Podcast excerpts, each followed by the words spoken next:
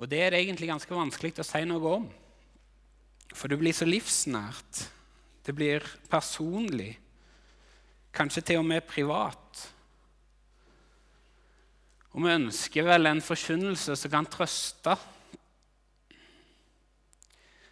Og Da tror jeg ofte at forkynnelsen om lidelse, om det vonde, ofte blir litt overfladisk. Det kan bli enkle svar, fordi de, blir, de treffer ikke deg. Eh, for jeg tror at vi alle har forskjellige tanker og meninger om dette.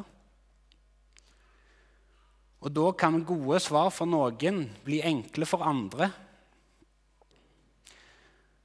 For på dette spørsmålet så tror jeg ikke at det finnes så mange gode svar.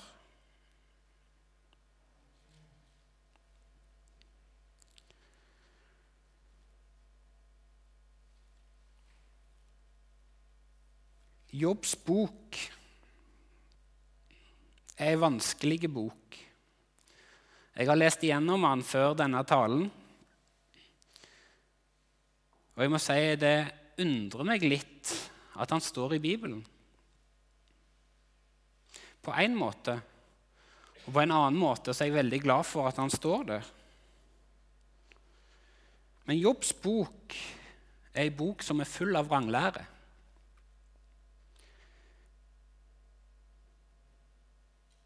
Folk snakker feil om Gud, og Gud irettesetter dem.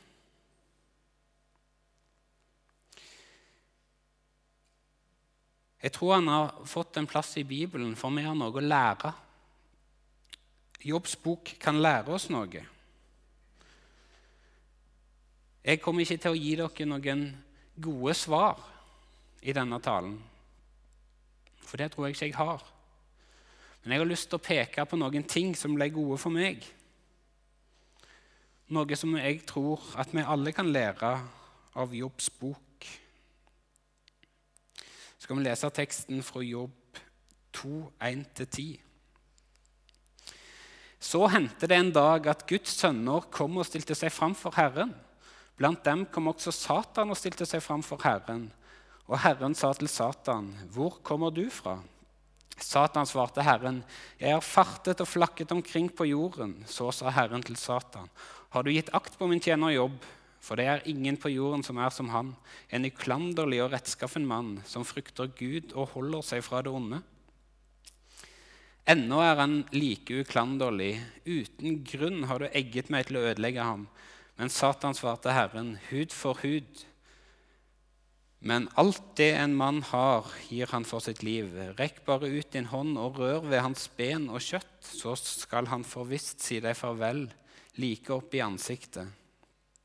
Da sa Herren til Satan, se han er i din hånd, spar bare livet hans. Så gikk Satan bort fra Herrens åsyn, og han slo Jobb med smertefulle buller fra fotsålen til issen.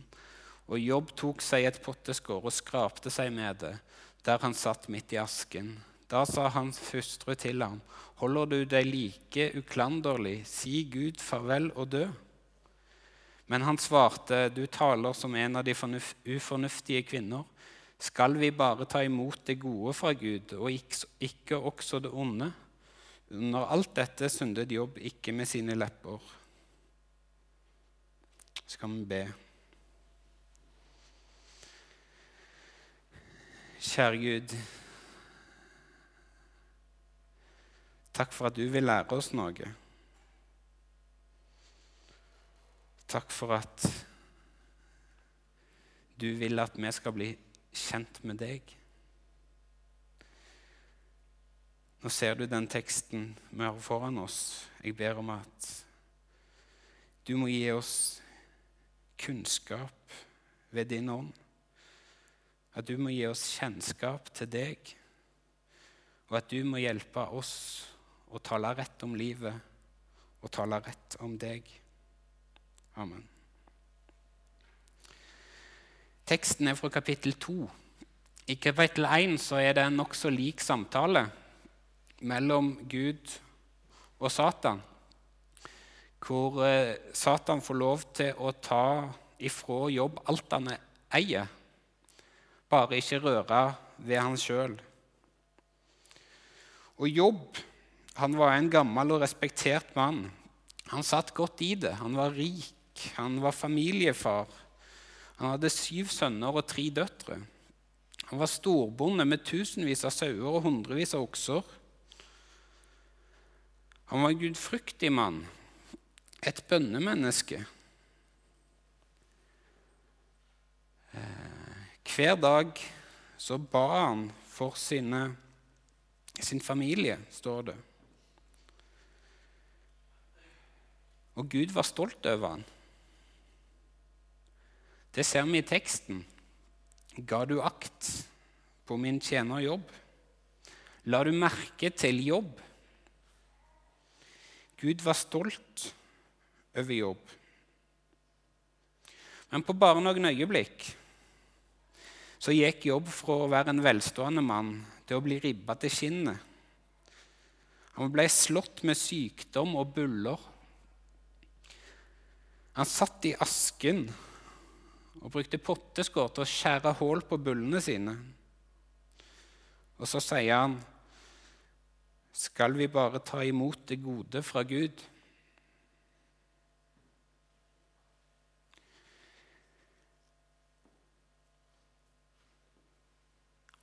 Vi har et fortrinn i forhold til jobb. For vi vet grunnen til at han ble utsatt for det han ble utsatt for. Det var en samtale i himmelen. Jobb visste ikke det, så alt kom nok overraskende på han. Og mens vi har svaret på hvorfor det skjedde, så visste han ingenting.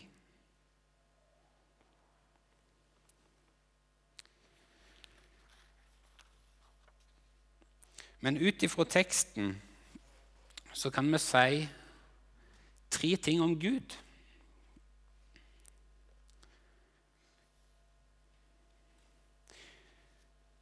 Om Guds forhold til jobb. For Gud var stolt over jobb. Gud satsa på jobb. Og Gud håpte på jobb. Han inngår på mange måter et veddemål med Satan om at uansett hva som skjer med jobb, så kommer han til å holde fast med meg.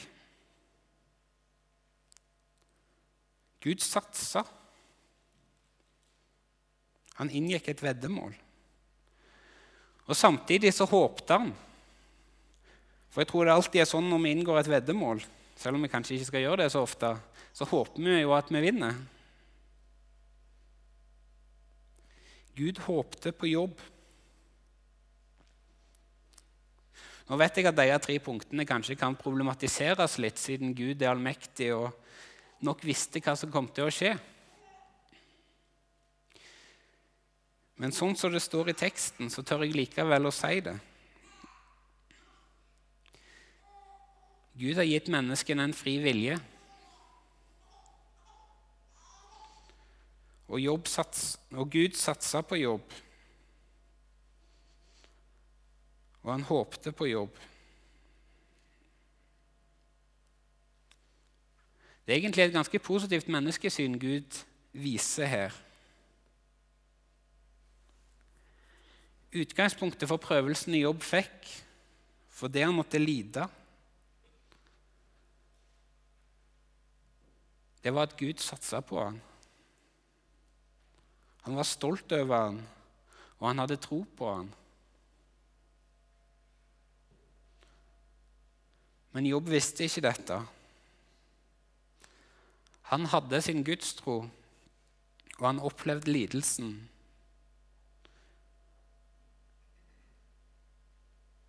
Og uten at han visste det, så hadde Gud kontrollen. Han var der selv om Jobb ikke kjente det sånn.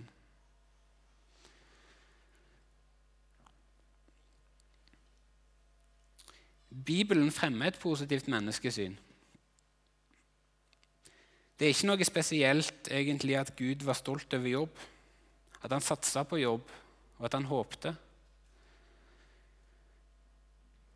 Overalt i Bibelen treffer vi sånne menn, kan vi lese om mennesker som Gud satser på, som han er stolt over,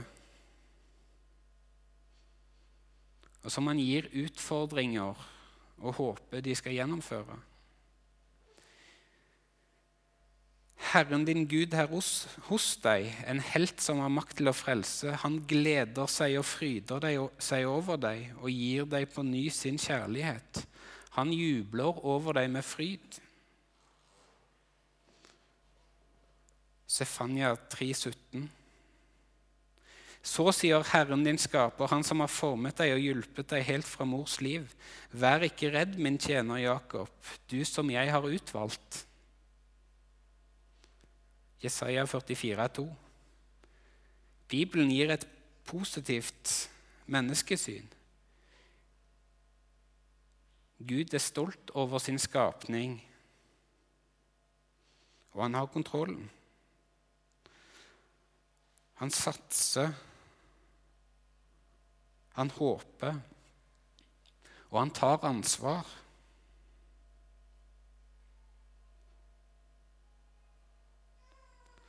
Og ikke minst så elsker han.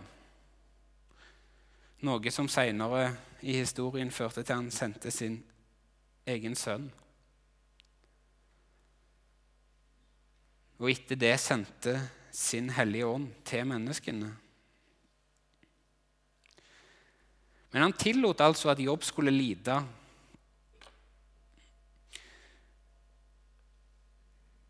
Men det var ikke han som påførte lidelsen.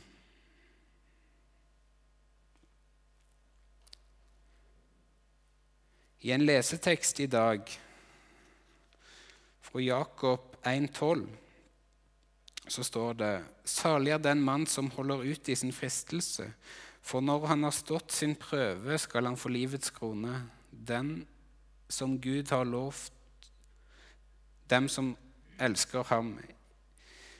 Ingen som blir fristet, må si 'det er Gud som frister meg', for Gud blir ikke fristet av det onde, og selv frister han ingen. Men enhver som blir fristet, dras og lokkes av sin egen lyst. Når så lysten er unnfanget, føder den synd.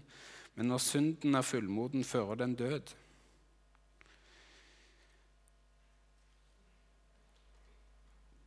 Gud blir ikke fristet av det onde, og selv frister han ingen.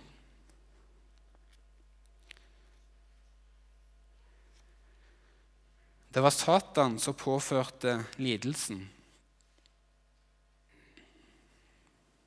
Men Gud tillot det.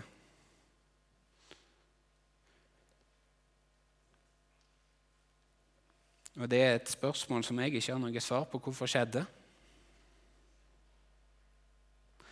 Annet enn at vi kanskje kan lære noe av det i dag.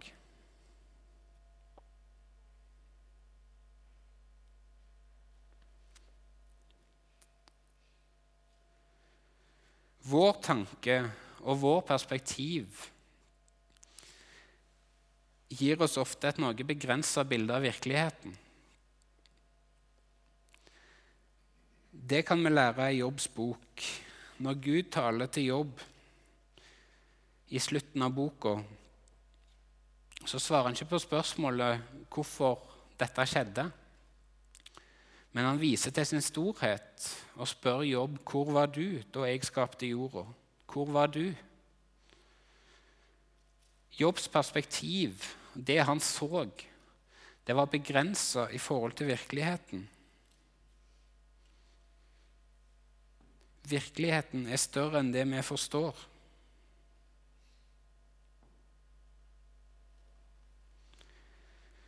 Og På samme måte som jobb så må òg vi innrømme at vi ikke har den store oversikten. Vi blir små Og det store bildet med hele universet som bakgrunn inkluderer mange aktiviteter som vi ikke kan se.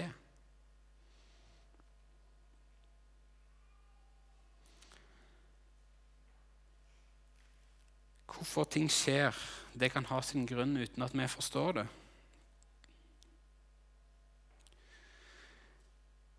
Men dette perspektivet er ikke lett å holde fram. Det er lett å glemme dette perspektivet når du opplever noe som er vondt.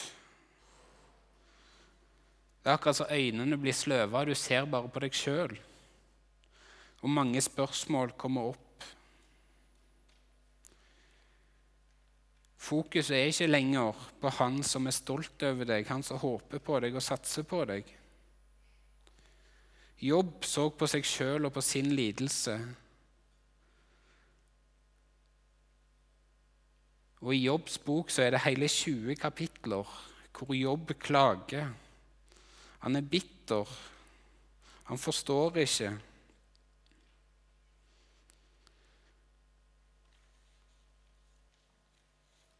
Han anklager Gud for å være urettferdig. Og han går i diskusjon med vennene sine, som kanskje ikke var så gode venner allikevel, hvis du ser på det de sier.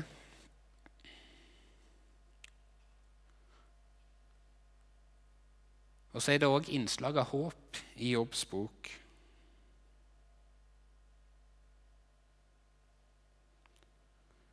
Men hovedsakelig så er han kritisk, han er bitter og han er anklagende overfor Gud.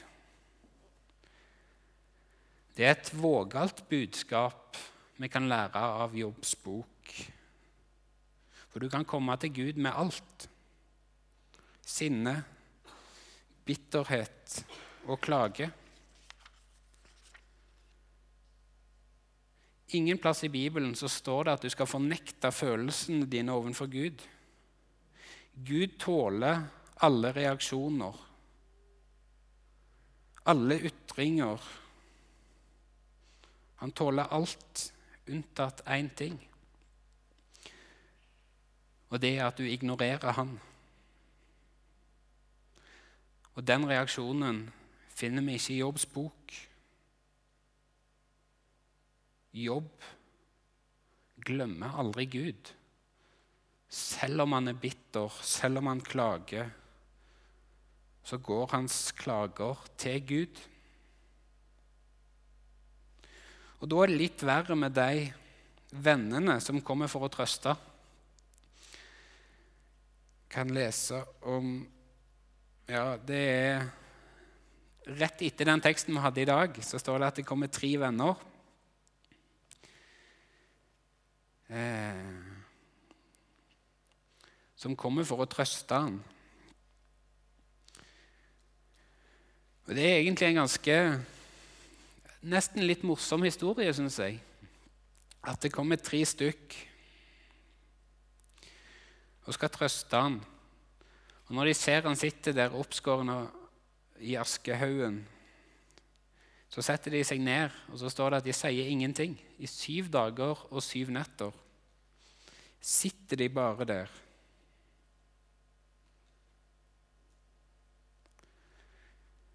Og det må ha vært vanskelig, tenker jeg. Å være sammen med noen uten å snakke med dem, det blir fort pinlig taushet. Du føler du må si noe.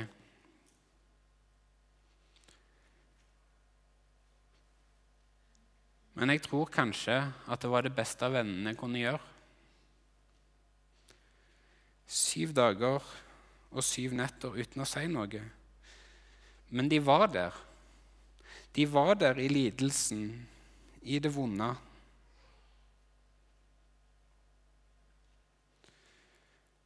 Og jeg tror tilstedeværelse er noe av det beste som kan føles når vi har det sånn. Når du kan være sammen med en person uten å si noe, og trives med det, da bygges tillit.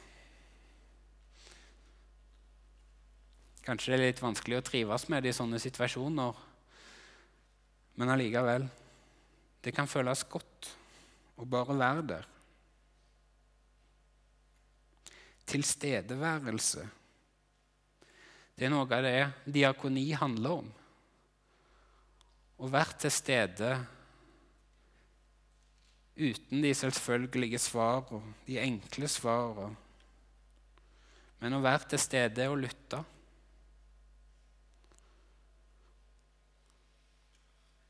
Derfor er jeg glad for at det er jobb som tar ordet først. Vennene sier ingenting før jobb får fortelle noe fra sin historie. Det han forteller, eller det han sier, det er veldig sterke ord. Og det er jo forståelig at vennene reagerer på det. For han forbanner den dagen han ble født. Gjennom et helt kapittel så utøser han en klage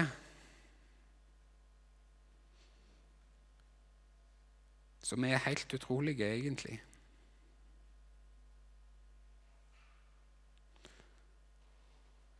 Han ville heller dø enn å leve. Alt det gode han hadde opplevd før han ble syk, det vil han heller være foruten istedenfor å oppleve det han opplevde nå. Og I møte med den klagen så føler nok vennene at de må forsvare Gud. Og Det fører til at de anklager jobb. Og da var det ikke lenger god diakoni.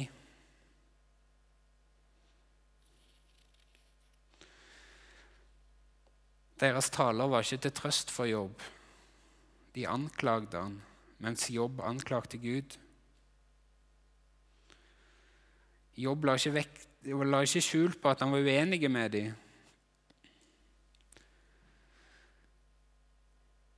Og Nesten på en ganske ironisk måte sier han i kapittel 12.: Ja, dere er sannelig noe til karer. Med dere dør nok kunnskapen ut.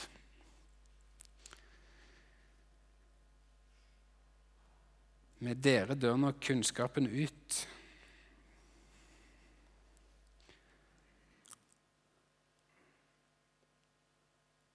Hvordan taler vi om Gud?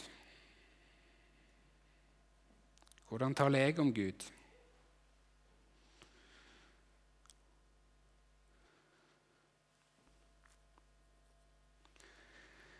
Men temaet var den prøvde tro gjennom den ondes fristelser.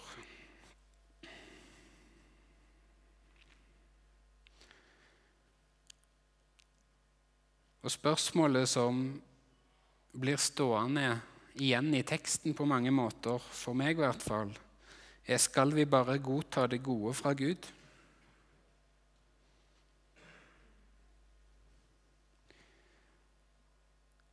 Skal vi bare godta det gode fra Gud? Det er et ransakende spørsmål.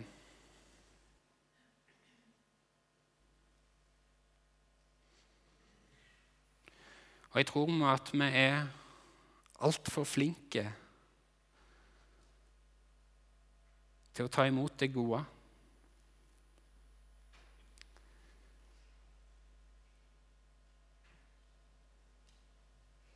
Når det onde kommer, da trekker vi oss nok litt mer vekk. Sier mindre. For det er kanskje ikke åpninger hos oss til å tale om en Gud som ikke er der.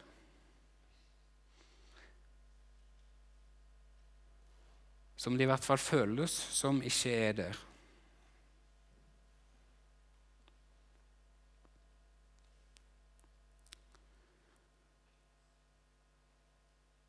Og Sånn er det vel ofte med Jobbs bok. Og at vi henger oss opp i ett vers eller to. Jeg vet min gjenløser lever, og på den siste dag skal han gjenreise meg, står det i Jobb 1925, tror jeg. Det er det vi vet, det er det vi husker, det er det som er godt i Jobbs bok. Derfor tar vi det med. Og Jeg sier ikke at det ikke er sant og godt, men det er en så liten del av Jobbs bok. Det er så mye mer. Men det er der, og det skal vi ikke glemme. For jeg tror det er i hvert fall tre ting vi kan lære av jobb. Det første er at vi skal ikke glemme Gud. Vi skal søke Gud òg når det er vondt, når han føles vekke. Når alt føles mørkt, så skal vi ikke glemme Gud.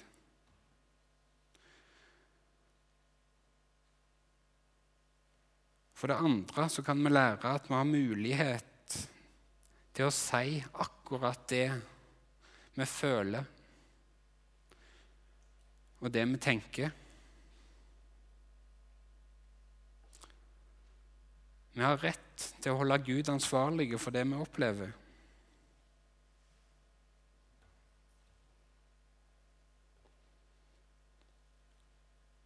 Og for det tredje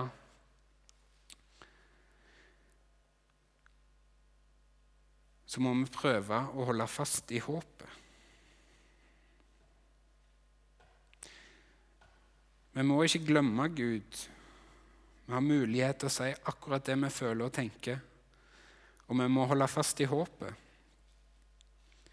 Jeg tror at disse tre tingene er elementære i Jobbs forhold til Gud.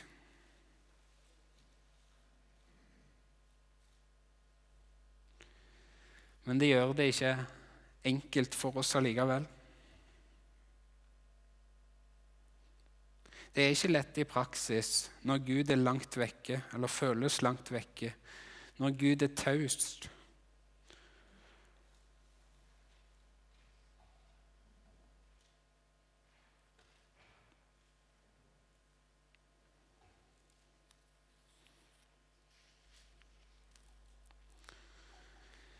Heldigvis er det skrevet en del bøker om akkurat dette emnet.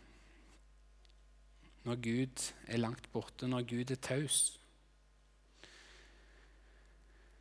Når alt er mørkt. På Lunde forlag så kom det ei bok som heter 'Tørsten gir lys' for noen år siden. Og Det er òg andre bøker som handler om skuffelse over Gud. Sånne bøker kan være gode å lese både som forberedelse på at sånne tider kan komme, og òg når de tidene er der.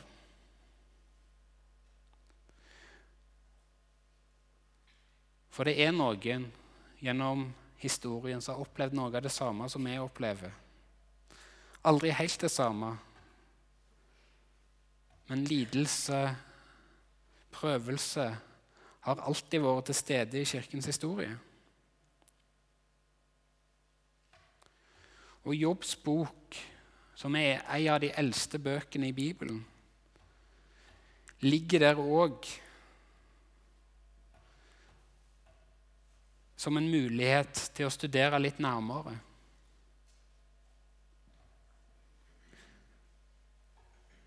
Til å se at klage til Gud er lovlig.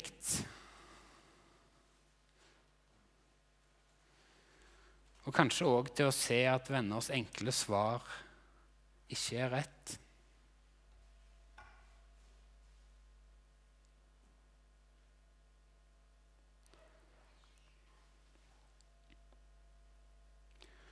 Er Gud taus?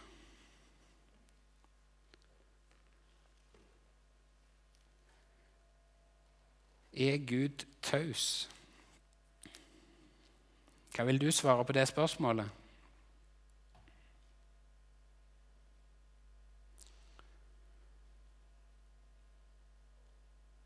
Gud talte i historien. Vi har en hel bibel som, taler, som viser oss at Gud talte. Men er Gud taus?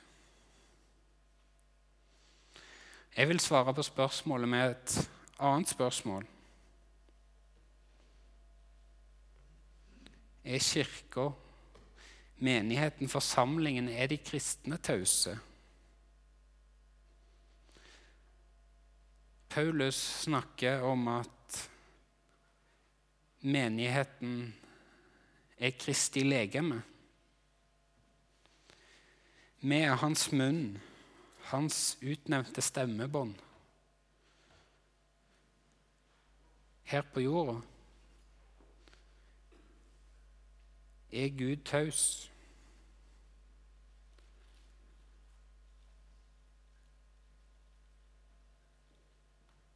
Er de kristne tause? Er Kristi legeme her på jorda tause?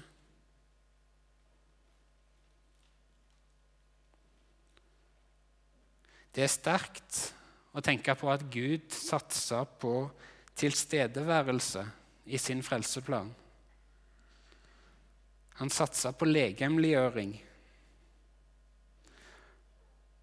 Han sendte sin sønn for å frelse de fortapte. Og han ga sin ånd til de som tror. Igjen viser han at han er stolt over mennesket. Han satser på det, og han håper. Han har kontroll. Og samtidig så har han ikke gjort oss ansvarsløse.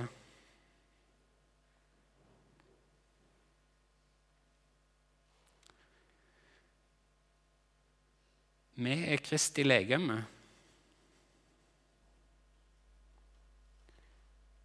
Vi er Jesus i møte med de vi treffer.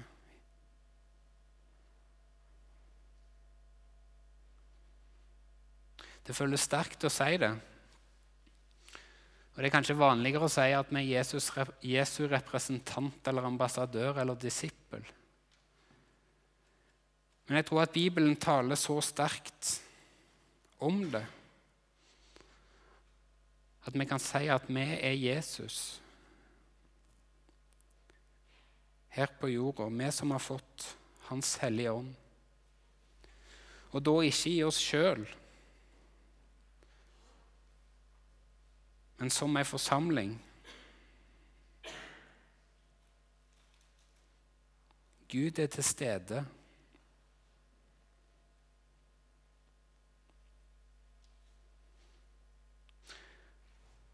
I prøvelse, i lidelse gjennom sitt legeme på jorda? Er Gud taus?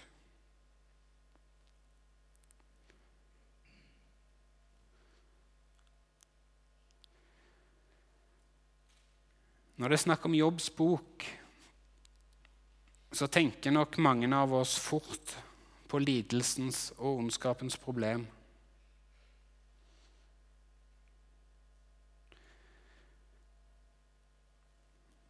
Og dessverre så gir ikke den boka oss så mange gode svar på deres spørsmål. Men han antyder noe.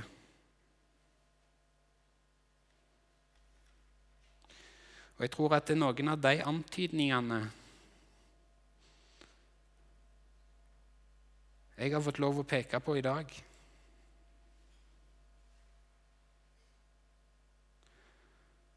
Og så vet vi som er kristne, at ondskapen er overvunnen. Jesus vant over ondskapen på Golgata. Det var en evig seier.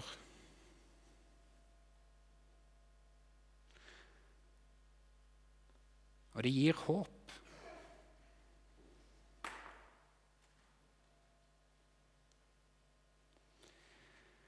Men Jesus vant ikke over lidelsen.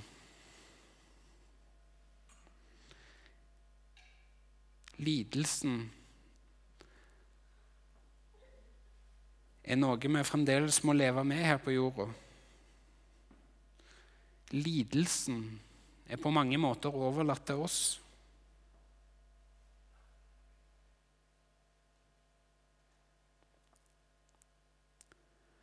Jesus viste oss et eksempel på hvordan vi skal møte lidelse.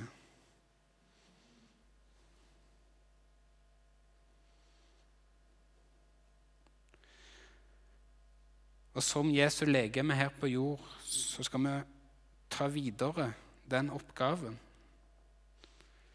Lidelsen er på mange måter overlatt til diakonien, til det kristne fellesskapet. Til Jesu legeme i denne verden.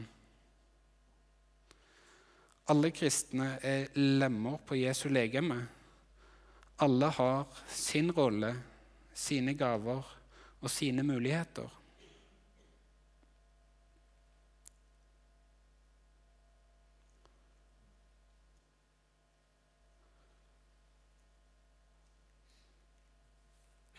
Og du kan være trygg på at Gud han er stolt over deg.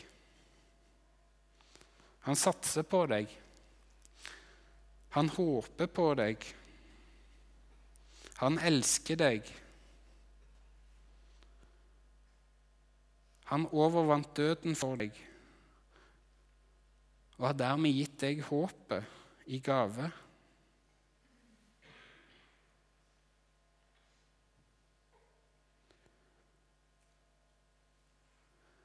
Dette er et positivt trekk fra den teksten vi hadde. Hvordan Gud ser på mennesket, hvordan Gud ser på deg.